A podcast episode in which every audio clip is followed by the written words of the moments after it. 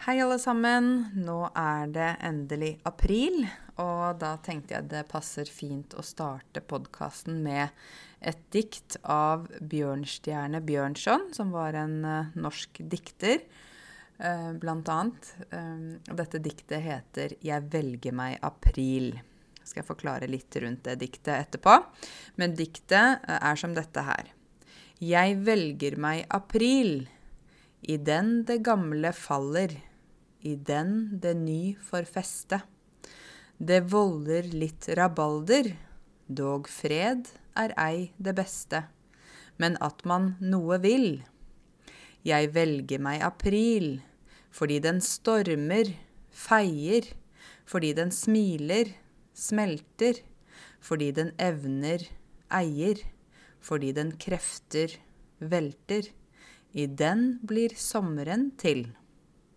Var ikke det et fint dikt? Jeg velger meg april er altså begynnelsen på et dikt som het Valg. Og da er det sånn at det diktet ble trykket for første gang i en dansk kalender som het Suvenir i 1869. Så det er, da er vi langt tilbake i historien.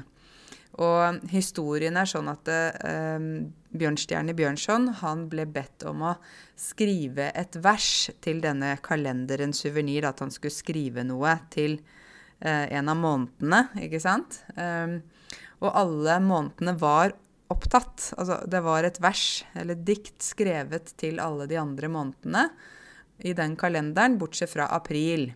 Og da eh, var Bjørnstjerne Bjørnson hadde litt sånn humor. Så han, han moret seg med. Vet dere hva det betyr? Å more seg, det betyr å Jeg hadde litt gøy, da. Hadde litt moro. Han moret seg da med å starte det diktet 'Jeg velger meg april'. Men han hadde jo egentlig ikke noe valg, fordi alle de andre månedene i kalenderen var allerede tatt. Så eh, det er litt ironisk, da. Jeg velger meg april. Men alltid når vi kommer til april, så tenker jeg på det diktet. Eh, og det handler jo om at uh, april er jo en vårmåned, og i april så eh, på en måte kommer eh, det nye livet til, ikke sant. Det begynner å spire og gro. Når det kommer blomster, og det begynner å komme litt gress, og blader på trærne etter hvert, og sånne ting. Så i diktet så uh, skriver han altså 'Jeg velger meg april'. I den det gamle faller. Altså i den måneden så faller det gamle. Det gamle på en måte blir borte eller uh, over, ferdig. I den det ny får feste. Um, så det som er nytt, får feste. Og at noe får feste, betyr at det etablerer seg. Ok, Eller at det på en måte f.eks. da at blomster begynner å spire, at det kommer blomster. Blomstene fester seg, ikke sant. De sitter fast i bakken og kommer opp. Det volder litt rabalder. Altså det er kanskje litt rabalder i april. rabalder betyr jo litt bråk, egentlig. Eller litt action. Og så sier han 'dog fred er ei det beste'. Dog, det er litt sånn gammeldags ord. Det er ikke veldig ofte vi bruker det. Det er litt det samme som 'selv om'. Selv om fred er ei det beste. Ei bruker vi for Brukte de veldig mye før, da. For ikke. Selv om fred ikke er det beste, men at man noe vil. Så han mener at det er viktig at det handler ikke bare om at det skal være fredelig, men at man må gjøre noe og ville noe. Gå videre, ikke sant. Og litt sånn april for meg er jo litt sånn en måned der hvert fall jeg våkner opp litt etter en lang vinter. Akkurat som bjørnen våkner fra eh, sin dvale. Vi sier at bjørner de, de sover jo hele vinteren, ikke sant. De går i dvale. Og jeg eh, går også litt i dvale når det er veldig kaldt og vinter. Så når våren kommer, så våkner jeg opp, jeg også. Um, så skriver han 'Jeg velger meg april fordi den stormer'. April stormer. Uh, at noe stormer betyr at det er litt, uh, det er litt som skjer. Uh, og feier Eh, den feier altså den eh, får ting bort. Kanskje snøen smelter, det blir litt eh, renere, penere rundt oss. Fordi den smiler. April smiler, ikke sant, med sol, med eh, vårblomster som kommer opp. Den smelter, ikke sant. April smelter isen og snøen. fordi den evner eier. Eh, den Ja, den eh, har en eh, Hva skal jeg si? Det, april er en etablert måned. Den eier seg selv, på en måte. Eller ja, litt sånn forskjellig hvordan man vil tolke det, da. Fordi den krefter velter. Og krefter, da kan vi jo snakke om kanskje naturkrefter, f.eks. Altså naturkrefter er jo f.eks. ja, storm, orkan, sånne ting. Og det å velte noe betyr at man øh, gjør sånn at noe øh, hva skal jeg si kollapser, eller ikke klarer mer. At man velter noe.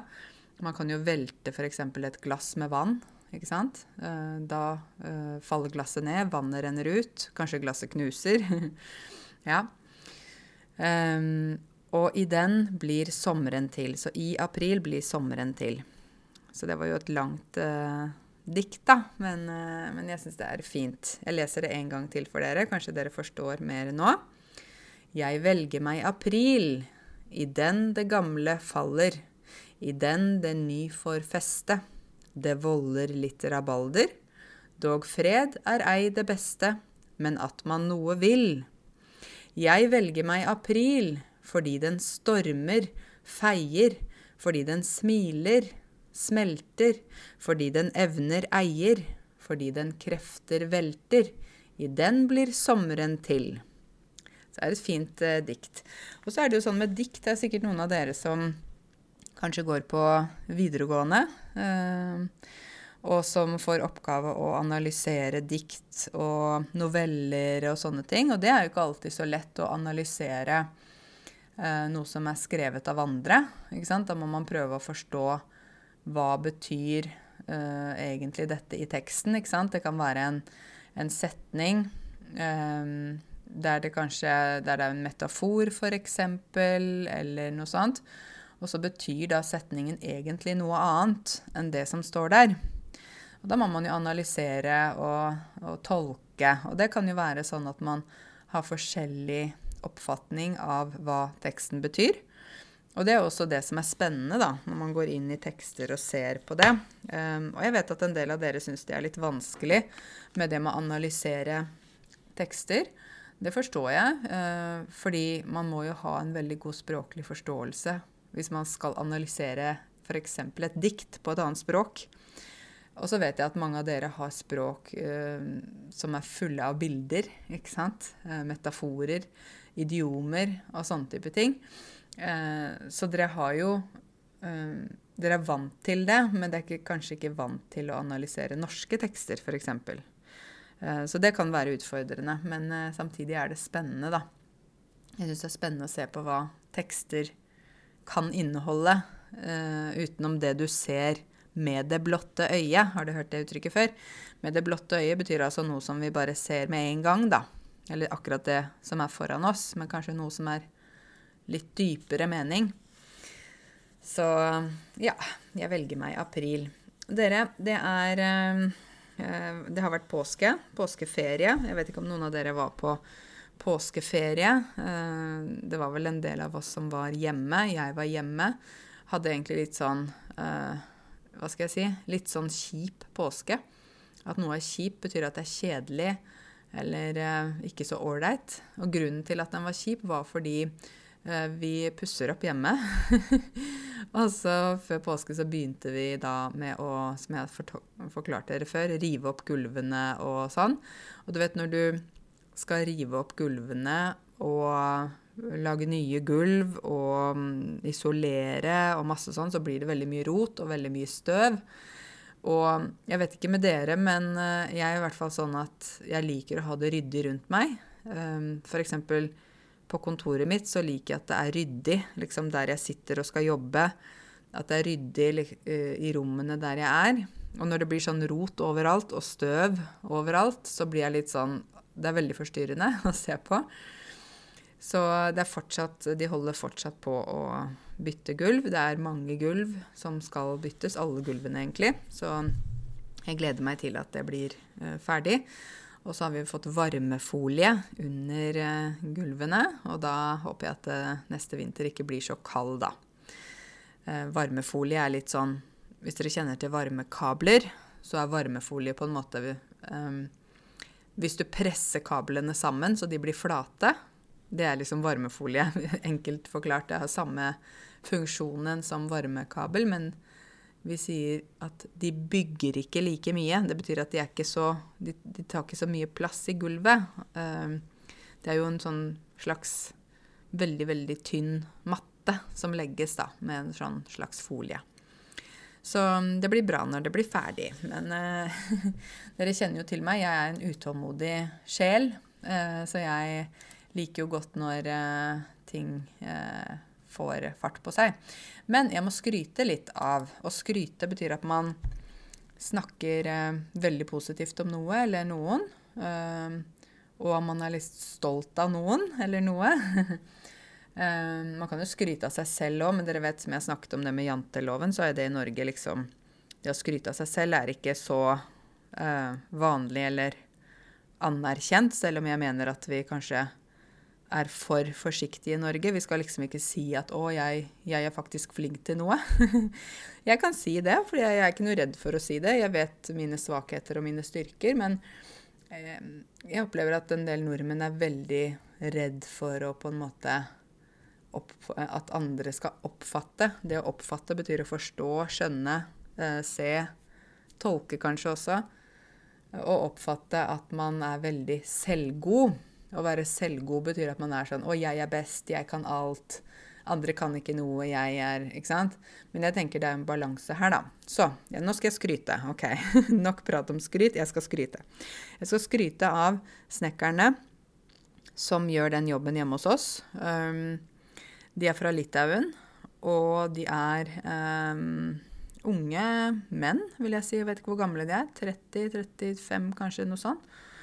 Uh, de er altså så fantastisk flinke at jeg blir helt imponert. De er så nøyaktige. De er så hardtarbeidende. Um, de er veldig stolt av jobben de gjør. Uh, de på en måte ut, utfører jobben med stolthet. Det å utføre noe betyr å gjøre noe.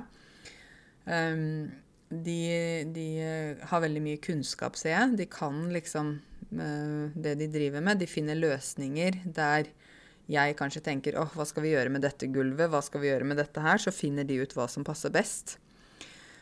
Og de er uh, um, veldig pålitelige. Det å være pålitelig betyr at man er til å stole på. De kommer presis hver dag når de sier de skal komme. Um, de er effektive, jobber både raskt og uh, på en riktig måte, slik at det blir ikke slurv. For slurv det er sånn når man gjør ting veldig fort, men man gjør det på en, man gjør det, så resultatet blir dårlig. Men de slurver ikke. De jobber nøyaktig og riktig. Og ja, så de er bare veldig, veldig utrolig flinke. Um, og jeg husker hun som, hun som fikser neglene mine, hun heter Jurate. Hun er også fra Litauen. Jeg snakket med henne en gang om, om dette her med håndverker og sånn, fordi hennes mann også er håndverker, da. Um, og da sa hun nei, men du vet, Karese, uh, litauiske menn er veldig uh, flinke til å fikse ting. Jeg sa å, er de det? Ja, det er liksom uh, ja, De fleste litauiske menn kan ordne veldig mye selv når, de skal, når de skal fikse noe i huset eller et eller annet sånt. og så er de veldig ja, uh, godt skolert. Det å være godt skolert betyr at man har fått en god utdannelse. De er godt skolert innenfor faget sitt hvis de f.eks. er snekker, elektriker, murer, et eller annet sånt. Så, uh, og det opplever jeg nå. ikke sant? Nå som de er hjemme hos meg og jobber, så ser jeg bare at wow, de er virkelig flinke. Så det var min, eh, min skryt til disse fantastiske snekkerne. Uh, de er kjempe, kjempeflinke. Så det er gøy å se på de jobber og hvordan resultatet blir. Da. Jeg er kjempefornøyd. Så all ros til dem. Ros betyr jo sånn fine ord, hyggelige ord. Det er viktig å gi hverandre ros, tenker jeg. Um, ikke sant? Jeg tenker sånn hvis du, hvis du, tenker noe fint om noen, da. Ikke sant? Du tenker 'Å, hun var flink til å synge', eller 'Å, han han hadde kledd seg fint i dag, eller og hun er så flink til å gjøre sånn og sånn på jobben. Jeg syns det er veldig viktig å si det, da. Um, det har jeg lært av min mamma òg, at eh, gode ord, hyggelige ord, det må vi ikke spare på. For det er litt sånn Hvorfor skal jeg holde det inni meg?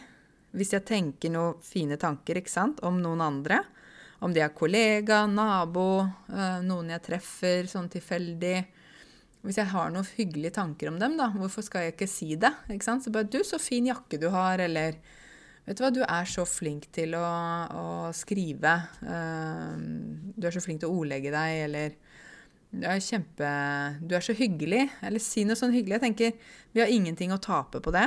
Og, og den som får et sånt kompliment, da, eh, blir jo kanskje litt overraska eller litt sånn paff. Det å bli paff betyr at man litt sånn Hæ? Mister litt sånn munn og mele. Nå kommer det noe uttrykk her, dere. Å miste munn og mele betyr at man mister liksom ordene sine helt. Um, men jeg, jeg, tror ikke at det skader noen, da å si noe hyggelig. så det er jeg litt opptatt av. Uh, at hvis jeg, hvis jeg, tenker noe positivt om noen, og de er til stede, altså de er i samme rom eller der jeg er, så pleier jeg bare å si det rett ut. Jeg syns det er veldig viktig å si du vet hva, uh, det var så fint hvordan du hadde dekket på dette bordet, f.eks. hvis jeg var på middag hos noen, eller at jeg syns du var så stilig på håret i dag, eller at man sier uh, Eh, jeg vet ikke, du har så fint smil, eller noe sånn hyggelig, da. Eh, ikke som skal være sånn gå på kroppen og du har så fin kropp. Ikke sånn, liksom, men bare sånn hyggelige små ting, da. Eh, eller ja. Så jeg tenker at det, det bør vi gjøre mer av, da. At vi må snakke hyggelig til hverandre. Det, det syns jeg er veldig viktig.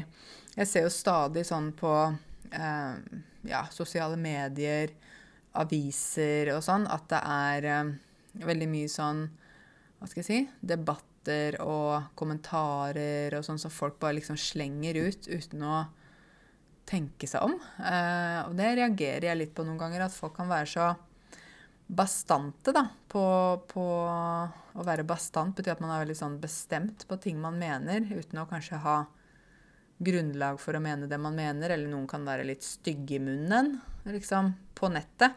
Da har dere kanskje opplevd i forskjellige forumer dere er, at dere ser at folk kan komme med veldig sånn eh, stygge kommentarer, voldsomme kommentarer, eller eh, at det er et eller annet sånn. Og da tenker jeg at um, det tror jeg ikke hadde skjedd kanskje hvis man hadde sittet sammen, da. ikke sant?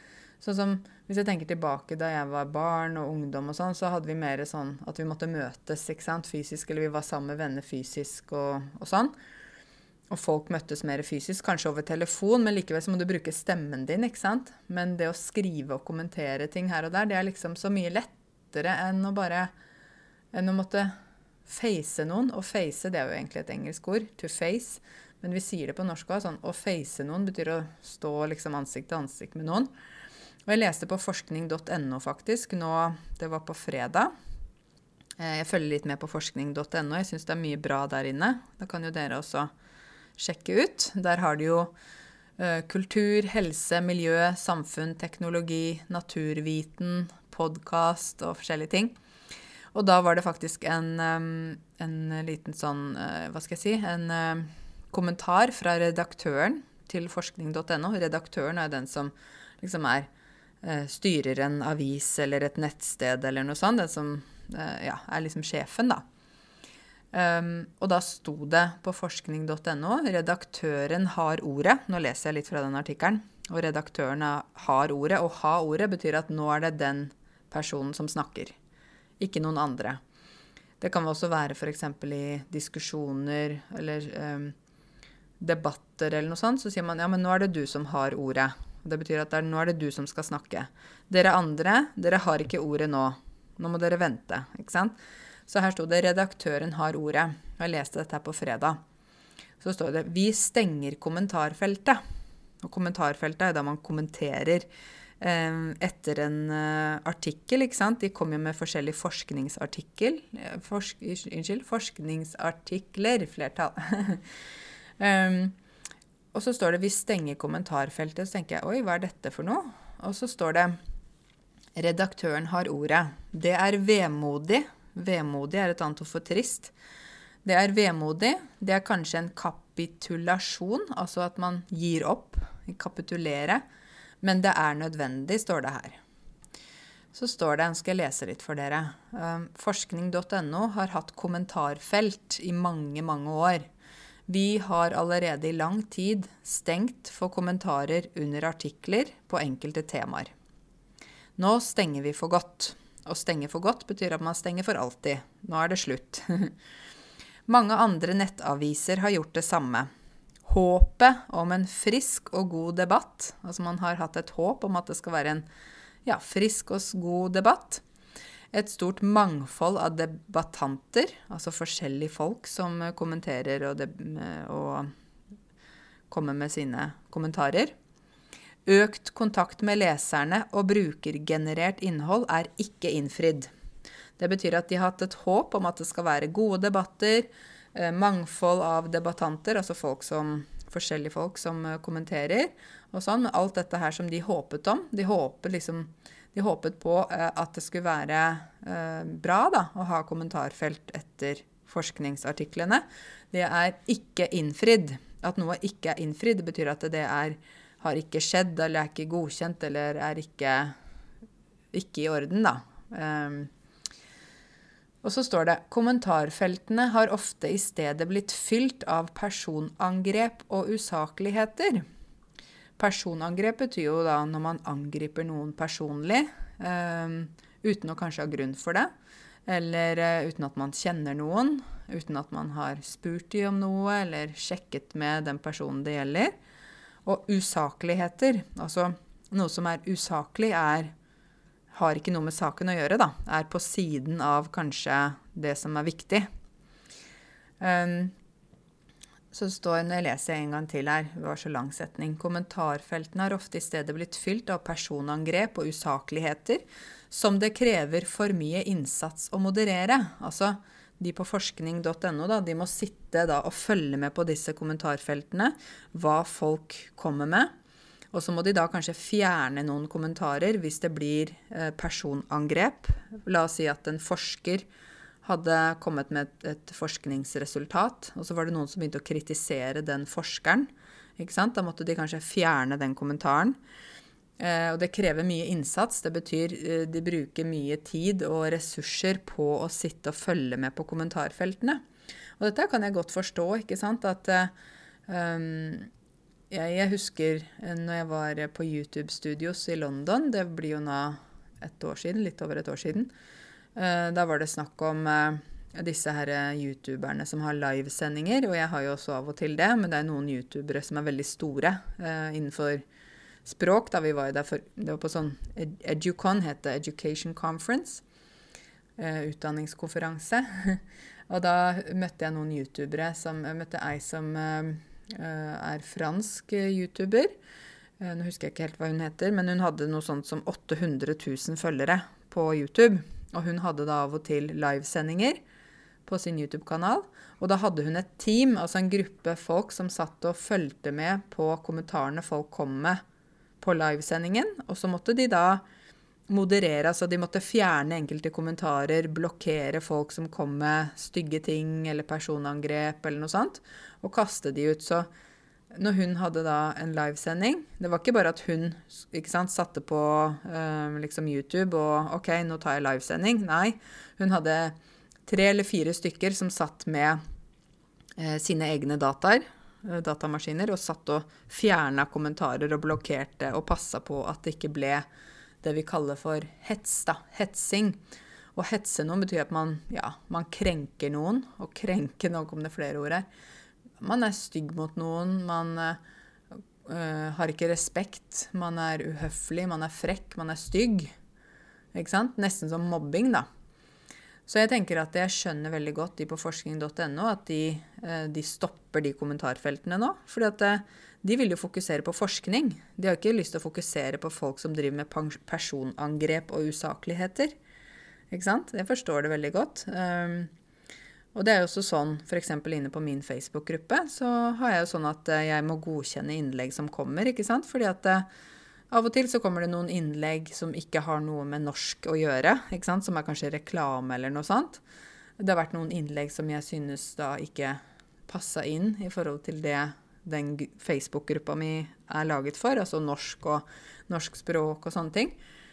Og da må jeg sitte og passe på. Men min gruppe er jo ikke uh, Det er ikke så mange som kommer med egentlig usakligheter, altså ting som ikke har noe med saken å gjøre. Men jeg kan tro inne på ja, f.eks. Mm, eh, avisene, da. VG, Aftenposten og sånn. At det, de har disse kommentarfeltene, og folk kommenterer og er veldig usaklige. Og de hetser andre. Og hetse, ikke sant? Husker du det? Det å være stygg med andre. Um, hets er jo egentlig litt alvorlig, da. Um, og så står det her da at um, tonen i debatten kan skremme folk fra å delta, heller enn at det blir rause og lærerike meningsbrytninger. Så det at det tonen i debatten, hvordan folk skriver, og noen er sinte og noen er aggressive og sånn, det kan da skremme andre folk til å tenke at nei, vet du hva, jeg tør ikke bli med og kommentere eller komme med mine tanker her, fordi folk er jo så sinte, og de er så aggressive. Eh, så de ønsker jo at det skulle heller bli at man deler meninger og hører på hverandre, men realiteten er jo ikke sånn. Eh, jeg tror at veldig mange eier sin egen sannhet. Å eie sin egen sannhet betyr at man har allerede en sannhet, og man er ikke så interessert i å høre hva andre tenker om det. det står også her, da, men det har jo ikke bare vært svart. Det at noe er svart, betyr at det er uten håp eller vanskelig. Eh, det står vi har gjennom årene fått mange gode innspill og kommentarer på artiklene våre. Å få gode innspill betyr at folk kommer med gode kommentarer, gode, interessante eh, poenger.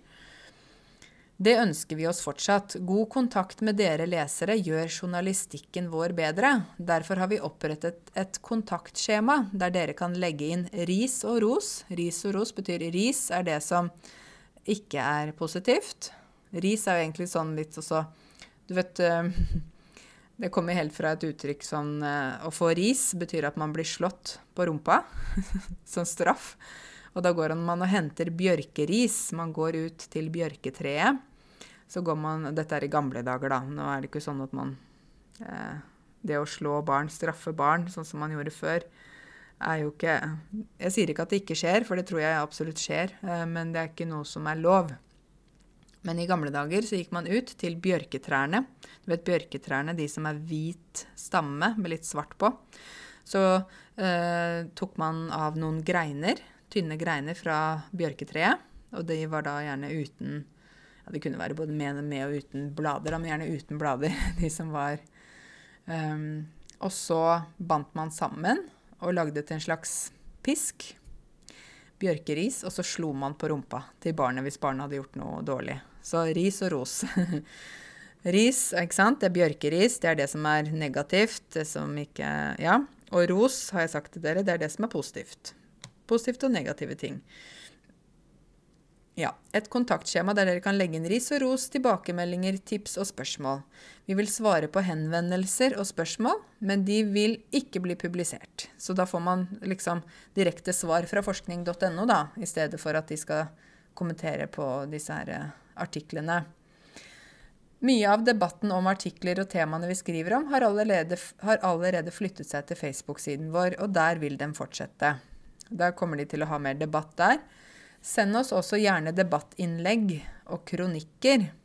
Forskning.no og vår debattside Forskersonen er og skal være altså Det er litt sånn måte å snakke på, da.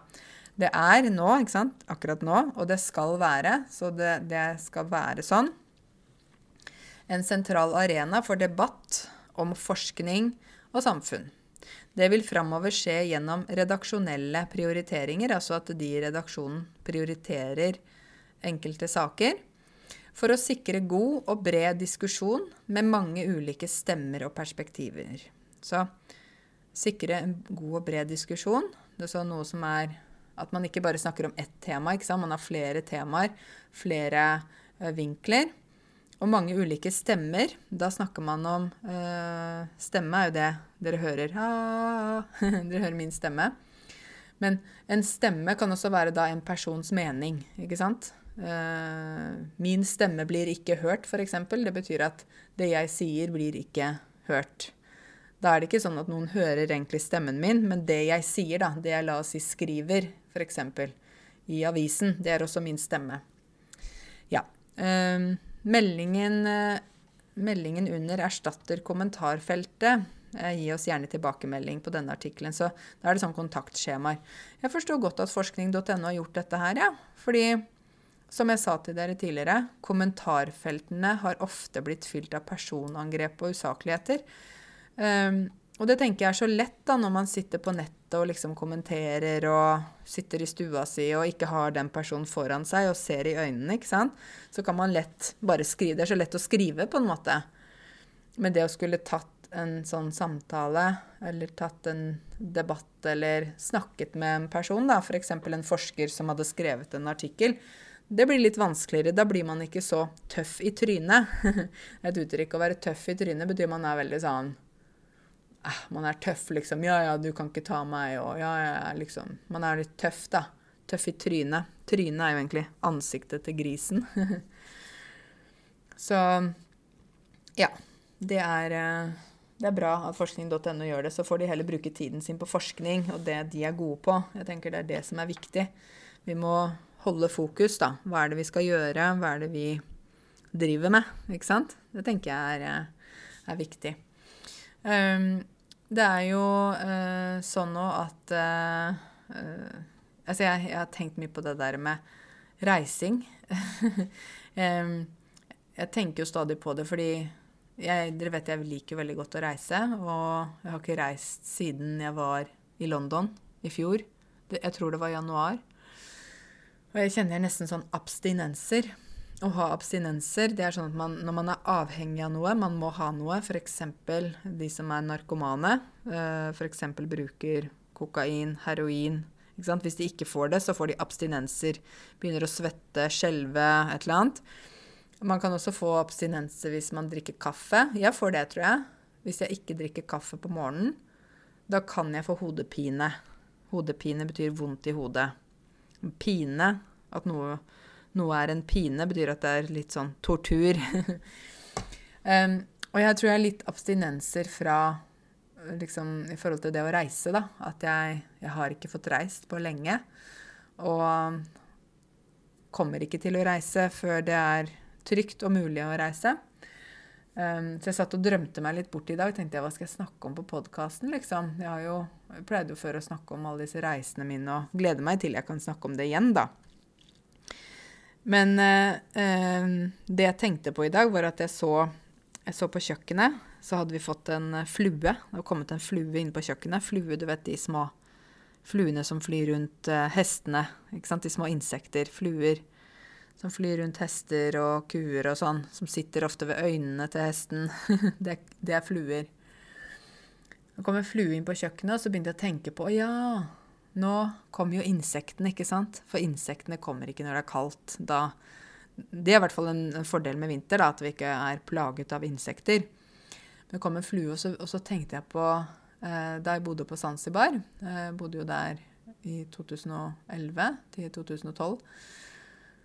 Um, der var det jo veldig mye insekter. For der var det jo veldig Det var et tropisk klima. Veldig varmt, veldig fuktig. Det var uh, veldig rikt dyreliv, egentlig. Zanzibar er jo, består av to øyer. Um, men uh, det jeg husker som var mest plagsomt, da Jeg begynte å tenke på insekter og begynte å drømme meg bort. Og så husker jeg tenkte mygg. Å, jeg husker mygg. Dere vet hva mygg er? Det er den som stikker og suger blod. Så vi begynner å klø og sånn. Vi har jo masse mygg i Norge, og vi har jo veldig store mygg, egentlig. Uh, de er liksom De er sånn monstermygg. men jeg husker da jeg bodde på Zanzibar, så var det jo veldig mye mygg. Men det var så å si ikke noe malaria der. Dere har jo hørt om malaria, ikke sant? Det er jo fra en spesiell type mygg. Uh, da kan man få malaria. Hvis man har blitt stukket av en sånn mygg, så kan man få malaria, og da blir man jo veldig syk.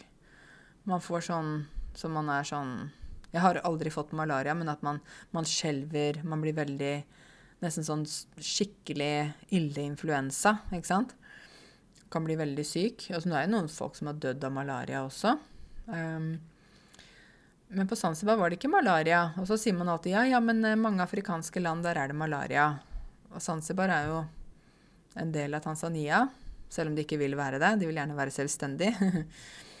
um, Men det var nesten ikke Det var mye mygg, men det var ikke malaria der. Og da husker jeg at jeg lærte det at det var Det var mye malaria før. Eh, men malaria, ikke sant, mygg, de klekker i vann. De legger egg, og det klekker i vann. De, de, eh, de legger egg, skjønner du det? Ikke sant? For å få eh, flere, my, flere mygg. det er der de legger eggene sine.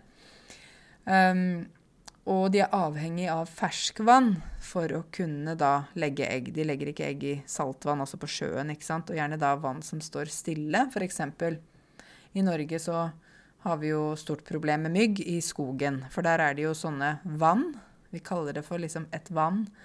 Um, det er jo da en slags Ja, hva skal jeg kalle det? Disse skauvannene. En slags liten innsjø eller ja. Um, inni skogen.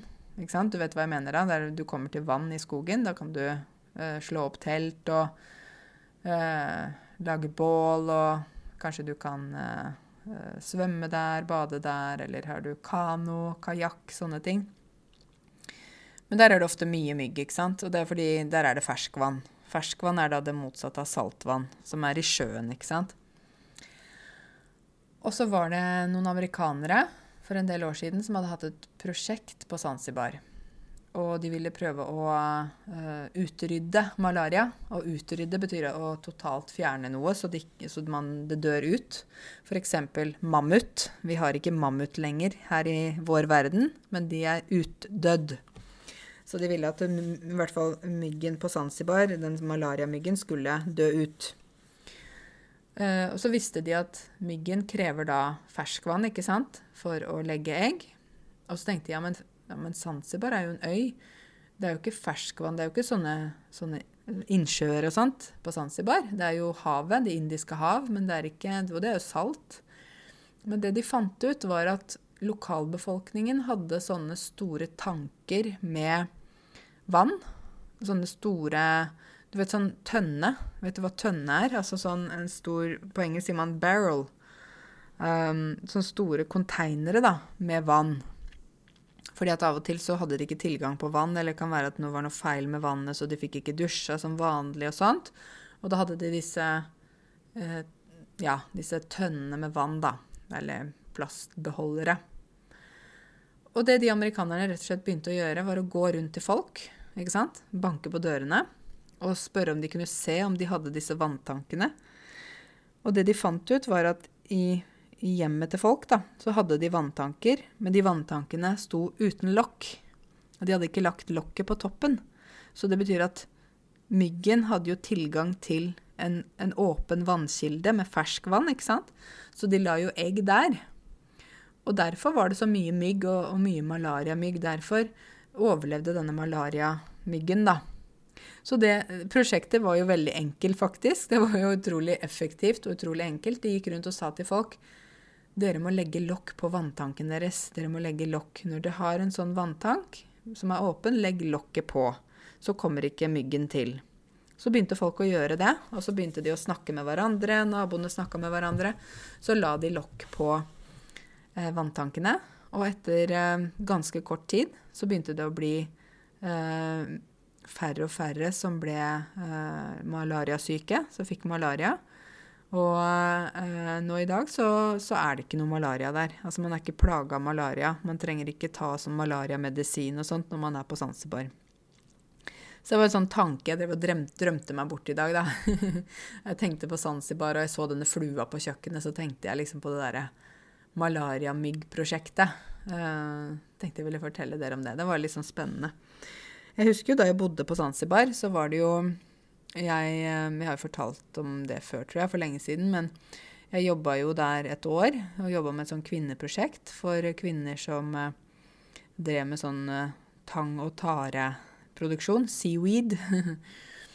og det var jo en utrolig fin opplevelse å være der et år. Bo med lokale folk. Spise sammen med de, gjøre som de gjør. Lære swahili. Eh, komme inn i kulturen. For jeg tenker man kommer ikke inn i en kultur sånn ordentlig når man er turist, ikke sant. Da går man forbi og ser på ting og hilser og lærer kanskje å si noen eh, fraser, ikke sant. Det de ofte lærer turistene å si på swahili, er jo jambo. Jambo jambo, men det er ikke riktig. Man, man skal jo si liksom hujambo. og så svarer man si jambo. Eller man skal, skal si hatto jambo hvis det er en gruppe eller flere. Og så ham jambo skal de svare, men ikke jambo. Men man, man lærer bare turisten sånn jambo, jambo, hakuna matata og sånne ting. um, men uh, um, da jeg bodde der med folk, så fikk jeg virkelig uh, se livet fra innsiden. Det var jo veldig flott. Um, det, var, det var for meg var det, har det vært viktig i forhold til å forme meg som den jeg er, da, med den kunnskapen jeg har. Altså det året jeg bodde der, har vært med å forme meg på mange måter. At jeg ble formet, betyr at jeg Det gjorde noe med meg. Ikke sant? Så alle opplevelser vi har i livet, eh, gjør at vi formes på en eller annen måte. Hvis vi opplever noe tungt og vanskelig, så blir vi formet. Hvis vi opplever eh, eh f.eks. en del av dere som lytter til podkasten, opplevd krig. Selvfølgelig så former det dere. Det gjør jo noe med dere. Men eh, jeg tenker at livet er jo en reise, og vi opplever mye på reisen vår. Både gode og dårlige ting. Og det er med på å gjøre sånn at vi blir den vi er. Ikke sant? Som voksne. Vi lærer jo hele livet. Men det året på Zanzibar var med på å forme meg. Eh, både på det at jeg lærte meg swahili, at jeg bodde sammen med de lokale der. Jeg fikk venner der. Jeg fikk eh, innsyn i kulturen på mange måter. Eh, I ettertid så har jeg jo holdt eh, sånne sugestopedikurs for lærere på swahili, ikke sant? Som da for, for, å vise da hvordan det er for dere, sånn som det er for dere når dere begynner å lære norsk, ikke sant? Og kanskje dere da ikke kan et annet språk som ligner norsk, så virker jo alt veldig vanskelig. Og når jeg har hatt lærere på kurs der, der vi gjør alt på swahili, det har vært et sånn firedagerskurs som jeg har holdt mange ganger, så blir jo lærerne veldig sånn Oi, ja, nå, da får de seg en aha-opplevelse. Husker dere jeg har sagt det før? Litt sånn at de blir sånn Wow, oi, OK, ikke sant? Men det var jo en del av, av altså det at jeg holdt de kursene på swahili og sånn, har jo vært en, noe som har skjedd fordi jeg har bodd på Zanzibar. Så jeg tenker litt sånn på hvordan ting i livet da, gjør at du plutselig havner der du havner. Å havne et sted betyr at man, man kommer et sted, man ender opp et sted. Det kommer vel kanskje fra ei havn. Havn er der båtene øh, Det blir sånn uttrykk da legger til kai. Å legge til kai betyr at båten liksom Du vet, båten bindes fast, ikke sant, ved havna, da. Havna er der man går i land. Man, når man går inn til byen, f.eks. Oslo, så legger man båten legge til kai, og så binder man fast tauet og sånn, og så går man ut av båten, og da er man ved havna. Da er man der i byen, da.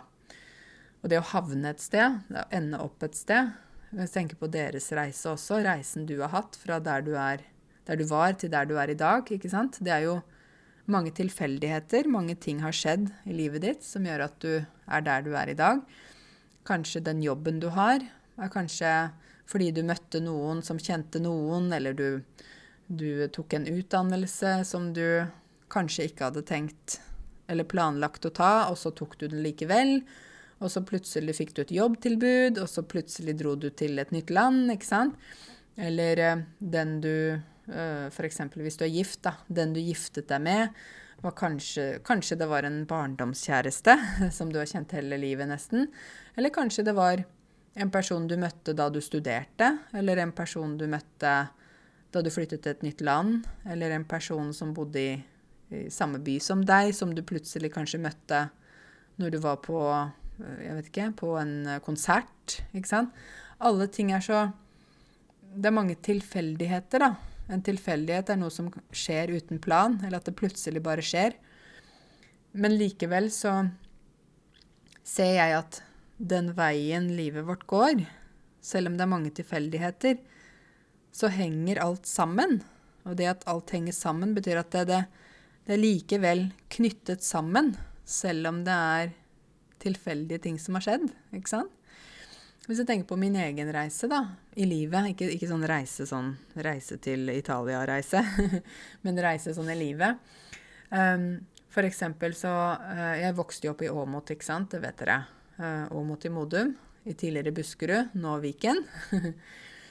Et lite sted med 5000 innbyggere, var det vel. Um, jeg gikk på barneskole der. Uh, også da jeg gikk på barneskolen, så flyttet det en familie til Åmot, som egentlig bodde på Gjøvik. Uh, Øystein het han. Øystein og Solveig. Og så hadde de to barn, Audun og Jorunn, husker jeg. De flyttet til uh, Modum fordi Øystein han var journalist, og han fikk jobb som journalist i Drammens Tidende, tror jeg. Eh, og Bygdeposten, som var da avisa der i Modum kommune. Og Øystein, han var eh, veldig sånn sjakkentusiast. Altså han elsker sjakk. Og han har spilt mye sjakk, og han har, har, har dekket mange saker, sånne nyhetssaker som handler om sjakk.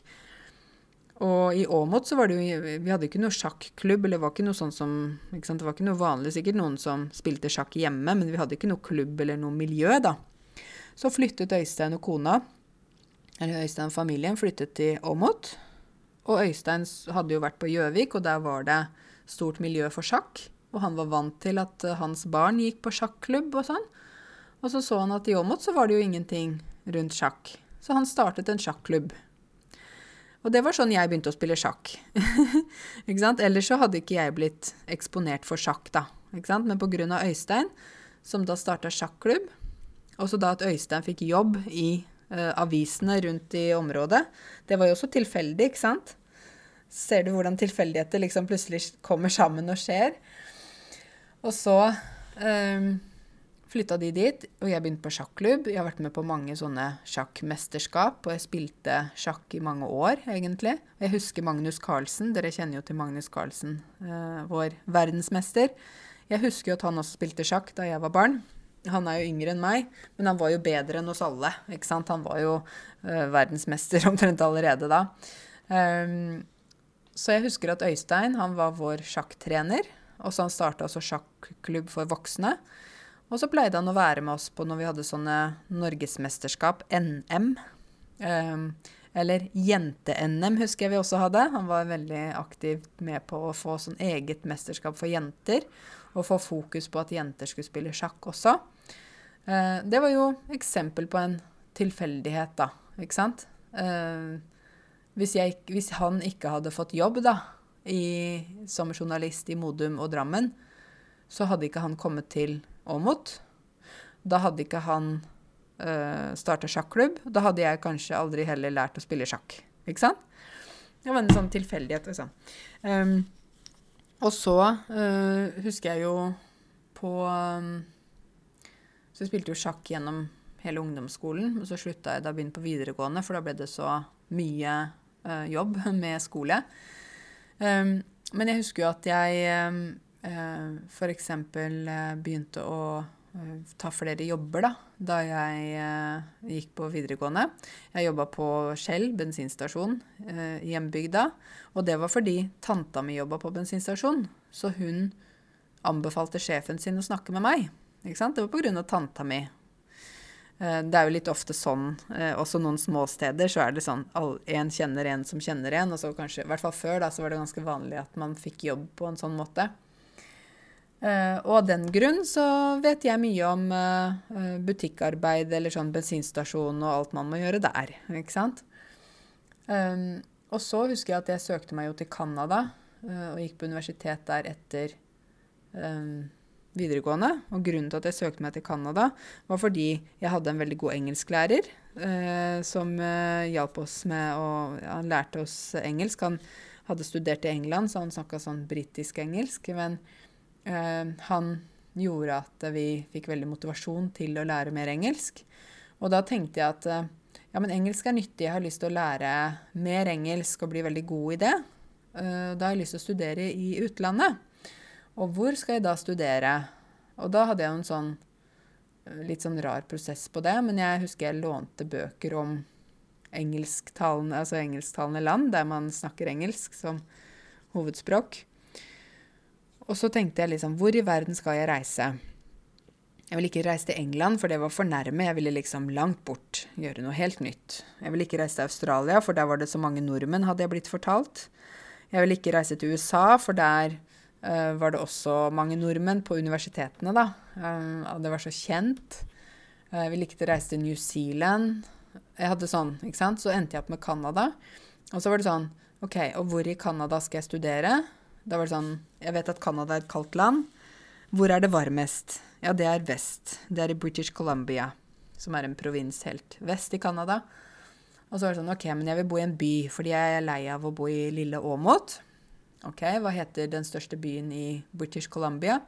Den heter Vancouver. OK, uh, hva slags uh, utdanningsmuligheter er det der? Hvilke universiteter finnes? Ok, Det var Frazier eller noe sånt, og så var det UBC, University of British Columbia, og så var det vel noen flere. Og så bare prøvde jeg å søke da på internett den gangen hvilket universitet er best. Og da kom jeg fram til UBC, University of British Columbia. Kanskje det er noen av dere som hører på meg, som har gått der. Og så var det sånn Hva skal jeg studere? Jo, jeg vil studere mer engelsk og litt andre ting. Så da, da søkte jeg meg inn der. Og så tok det lang tid før jeg fikk noe svar. Jeg fikk ikke svar og tenkte OK, hvorfor får jeg ikke svar? Og så hadde jeg da hotmail. Og dere som har hotmail, må være obs på at dere kan av og til få at ting blir putta i søppelkassen deres. Bare så husk å sjekke søppelkasse på hotmail eller spam. For jeg sjekket Hadde aldri sjekket søppelpost før. Jeg visste ikke at jeg hadde søppelpost. Dette her er jo tilbake i 2000 og, um, 2004. Og så så jeg liksom forskjellige mapper. Inbox, utbox, ikke sant. Og så så jeg søppelpost. Og så åpnet jeg den mappen, og inni søppelposten så lå det det um, en sånn admission letter, altså sånn godkjenningsbrev, eller sånn 'velkommen til du har fått plass på universitetet'. Det brevet lå i min søppelpost. Og det var jo også tilfeldig at jeg sjekket søppelpost, fordi jeg visste ikke at jeg hadde det. og ikke sant? Det var så rart, da. Så åpnet det, så sa jeg, løp jeg etter mamma. husker jeg sa, 'Mamma, mamma, jeg har kommet inn på universitetet i Canada.' Og jeg fant den e-posten i søppelposten min, og det var tilfeldig at jeg sjekka det, og Ikke sant? Så Ja. og så tenker jeg kanskje av og til at det er en mening med at ting skjer, da. Jeg tror jo litt sånn, altså. At det er ikke bare Det er ikke bare tilfeldigheter heller. Av og til så føler jeg at ting skjer kanskje litt utenfor min kontroll, da. Eller at ting har skjedd, og så ser jeg i etterkant, altså etterpå, senere, ser jeg at å ja, det, det, skjedde der fordi sånn og sånn, ikke sant. Dere som uh, er religiøse, eller som tror på Gud, eller, uh, eller noe sånt, dere uh, er jo også ikke sant? Dere tenker at ja, men det var Guds vilje, eller ikke sant? Noe sånt. Og jeg tror også på, på det at det er det er ikke alt vi mennesker kan kontrollere. Det er ikke alt vi kan styre. Og av og til så skjer det merkelige ting. Det skjer, skjer rare ting ikke sant? Som, som, vi ikke kan forklare, da. Eller sånn Du tenker 'oi, så rart at det skjedde nå'. Men ja. ja. Nok om det. Men øh, ikke sant? Uh, at jeg da fant i den uh, søppelposten min dette brevet fra universitetet, gjorde at jeg da selvfølgelig dro til Canada og studerte der. Eh, men så avbrøt jeg studiene. Og avbryte, ikke sant. Jeg stoppa studiene. Og det var fordi det var veldig dyrt å gå på universitetet i Canada. Og så følte jeg at um, Jeg tok jo en sånn honors degree, altså litt mer enn bachelor, fire år uh, der borte. Var planen å ta det. Men så uh, følte jeg at jeg ville få veldig høyt studielån. Og um, det vil koste veldig mye, og, og jeg vil ikke bli ferdig utdanna som noe konkret når jeg var ferdig med de fire årene. Da vil jeg ha en honors degree uh, i det de kaller for arts, altså sånn hva si, samfunnsfag, kultur, uh, språk, en sånn type linje.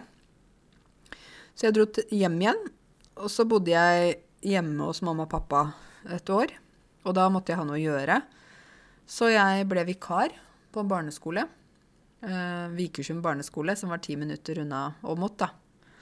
De trengte vikar. Og så hadde jeg jo bestemt meg for at jeg skal aldri bli uh, Jeg skal aldri bli lærer, og jeg skal aldri bli frisør. Det er to yrker jeg ikke vil. Uh, vil ikke bli noen av jobbe med de tingene der. Og så var jeg vikar da på Vikersund barneskole. Og så oppdaget jeg at jeg faktisk jeg likte veldig godt å undervise. Jeg likte godt å være lærer. Jeg likte godt å lære bort. og det var jo en veldig sånn overraskelse for meg, for jeg hadde jo aldri tenkt å jobbe som lærer. Og etter det året da, på uh, Vikersund barneskole, da jeg var vikar Jeg jobba mye, for de hadde noen lærere som var syke og sånn, så de trengte ofte vikarer, så jeg jobba nesten hver dag. Fikk ansvar for en egen klasse i en periode og litt sånt. Uh, på grunn av det så bestemte jeg meg for å søke meg inn på allmennlærerutdanningen på Høgskolen i Oslo. Ser dere tilfeldigheten her?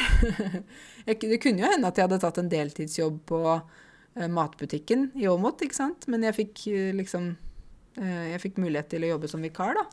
Det var også tilfeldig. Ja, og så gikk jeg på lærerskolen, da, i, i Oslo, eller allmennlærerutdanningen. Og det var jo grunnen til at jeg ble lærer. Men det var aldri min plan. og her sitter jeg i dag fortsatt lærer, men jobber jo på en litt annen måte. Dere vet jo hvordan jeg jobber. Men jeg hadde kanskje aldri, jeg hadde aldri hatt denne podkasten, kanskje, hvis jeg ikke hadde Hvis jeg går helt tilbake, da. Hvis jeg ikke hadde bestemt meg for å avslutte studien i Canada, hvis jeg ikke hadde fått jobb som vikarlærer på Vikersund barneskole Takk til Vikersund barneskole, forresten. Og så prøvde ut det, og så bestemte meg for å bli lærer ikke sant? Jeg hadde kanskje aldri, Denne, denne podkasten hadde kanskje aldri eksistert. YouTube-kanalen min hadde kanskje aldri eksistert. Jeg hadde kanskje jobbet som noe helt annet.